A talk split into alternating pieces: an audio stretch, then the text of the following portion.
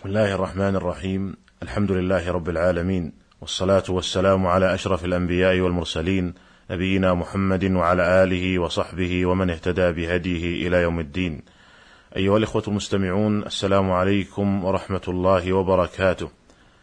لا يزال الحديث موصولا عن أحكام الإمامة ونتحدث معكم في هذه الحلقة عما يكره للإمام وللمأموم فعله. فمن ذلك أنه يكره للإمام أن يتطوع في الموضع الذي صلى فيه الفريضة. وقد نص على ذلك الإمام أحمد. وقد أخرج أبو داود وابن ماجه عن المغيرة بن شعبة رضي الله عنه أن النبي صلى الله عليه وسلم قال لا يصلي الإمام في مقامه الذي صلى فيه المكتوبة حتى يتنحى عنه.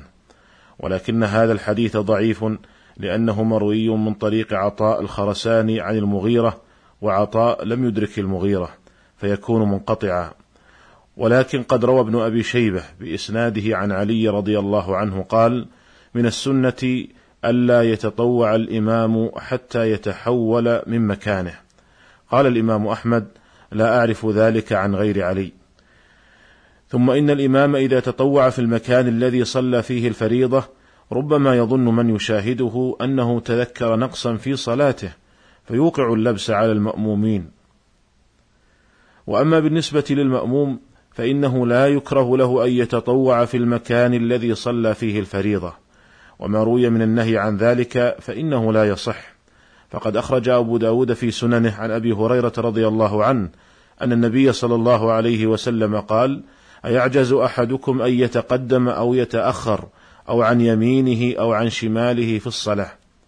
قال البخاري في صحيحه عن هذا الحديث ويذكر عن أبي هريرة رفعه قال ولا يصح وقال في تاريخه لم يثبت هذا الحديث.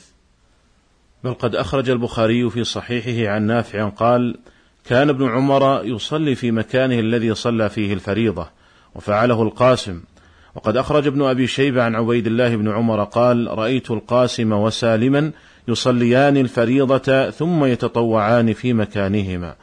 والحاصل أيها الإخوة أنه لا يكره للمأموم أن يتطوع في المكان الذي صلى فيه الفريضة ولكن لا يصل النافلة بالفريضة حتى يتكلم أو حتى ينفتل عن موضعه.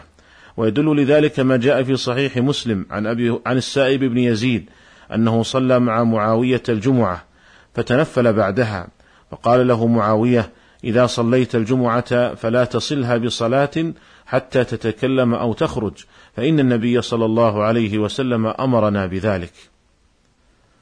أيها الإخوة المستمعون، ومن المسائل المكروهة في حق المأموم الصلاة بين السواري من غير حاجة، فقد كان الصحابة رضي الله عنهم يتوقون الصلاة بين السواري، كما قال أنس رضي الله عنه: كنا نتقي هذا أي الصلاة بين السواري على عهد رسول الله صلى الله عليه وسلم. أخرجه الترمذي وقال حديث حسن صحيح.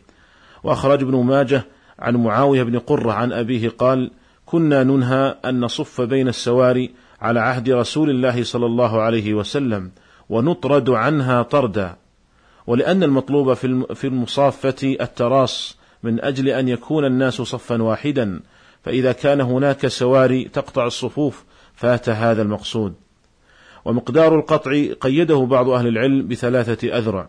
فقالوا إذا كانت السارية ثلاثة أذرع فإنها تقطع الصف وما دونها لا يقطع الصف. وقال بعضهم بمقدار قيام ثلاثة رجال.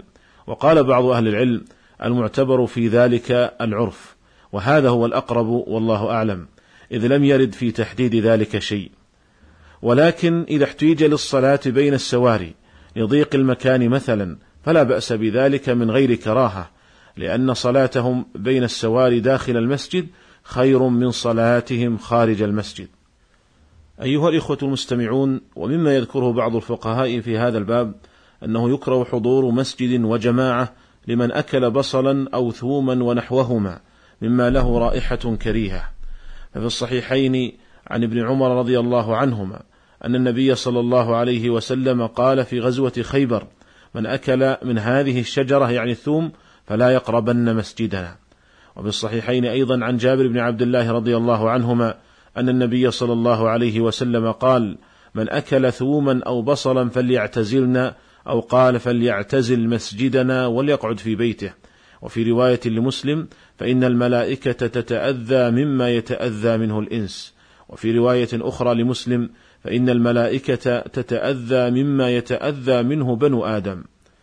وفي صحيح مسلم عن عمر بن الخطاب رضي الله عنه أنه خطب الناس يوم الجمعة وكان مما قال في خطبته ثم إنكم أيها الناس تأكلون شجرتين لا أراهما إلا خبيثتين هذا البصل والثوم ولقد رأيت رسول الله صلى الله عليه وسلم إذا وجد ريحهما من الرجل في المسجد أمر به فأخرج إلى البقيع فمن أكلهما فليمتهما طبخا. وهذه الأحاديث لا تدل على تحريم أكل البصل والثوم وإنما النهي فيها عن حضور الجماعة لمن أكل البصل أو الثوم. قال النووي رحمه الله هذا النهي إنما هو عن حضور المسجد لا عن أكل الثوم والبصل ونحوهما فهذه البقول حلال بإجماع من يعتد به. ويدل لذلك ما جاء في صحيح مسلم عن أبي سعيد رضي الله عنه قال لم تعد أن فتحت خيبر فوقعنا يعني أصحاب رسول الله صلى الله عليه وسلم في تلك البقلة يعني الثوم والناس جياع فأكلنا منها أكلا شديدا. ثم رحنا إلى المسجد فوجد رسول الله صلى الله عليه وسلم الريح فقال من أكل من هذه الشجرة الخبيثة شيئا فلا يقربن في المسجد. فقال الناس حرمت حرمت.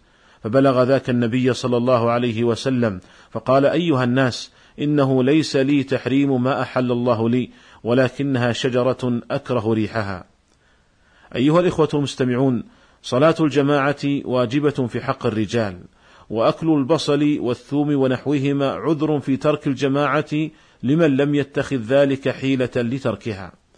قال سماحة الشيخ عبد العزيز بن باز رحمه الله: قال: إباحة أكل هذه الخضروات ذوات الرائحة الكريهة لا ينافي كون الجماعة فرض عين، وإنما هو عذر في ترك الجماعة، كما أن حضور الطعام يسوغ في ترك الجماعة لمن قدم بين يديه مع كون ذلك مباحا.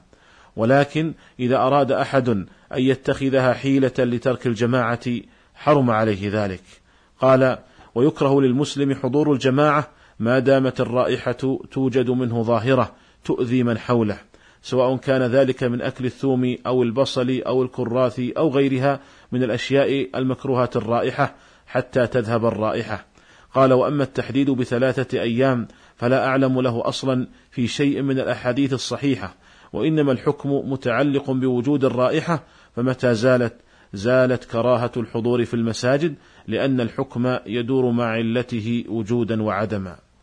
أيها الإخوة المستمعون، وكراهة حضور المسجد لمن أكل البصل أو الثوم يدل على أن الإسلام دين يراعي شعور الآخرين، وأنه ليس لأحد أن يأتي للمسجد بروائح كريهة فيؤذي بها المصلين حوله، وربما يتسبب في تفويت الخشوع في الصلاة عليهم. وإن من الناس من لا يبالي بهذه المعاني فتجده يأتي للمسجد بملابس رثة أو بملابس النوم وربما يصحبها روائح كريهة. على أنه ينبغي للمصلي أن يحرص على أخذ زينته في الصلاة ولو كان يصلي في بيته وحده. فإن أخذ الزينة في الصلاة إنما هو لحق الله عز وجل. كما قال الله تعالى يا بني آدم خذوا زينتكم عند كل مسجد والمراد عند كل صلاة. أسأل الله تعالى أن يرزقنا الفقه في دينه. وأن يوفقنا لاتباع سنة رسوله صلى الله عليه وسلم. وإلى الملتقى في الحلقة القادمة إن شاء الله. والسلام عليكم ورحمة الله وبركاته.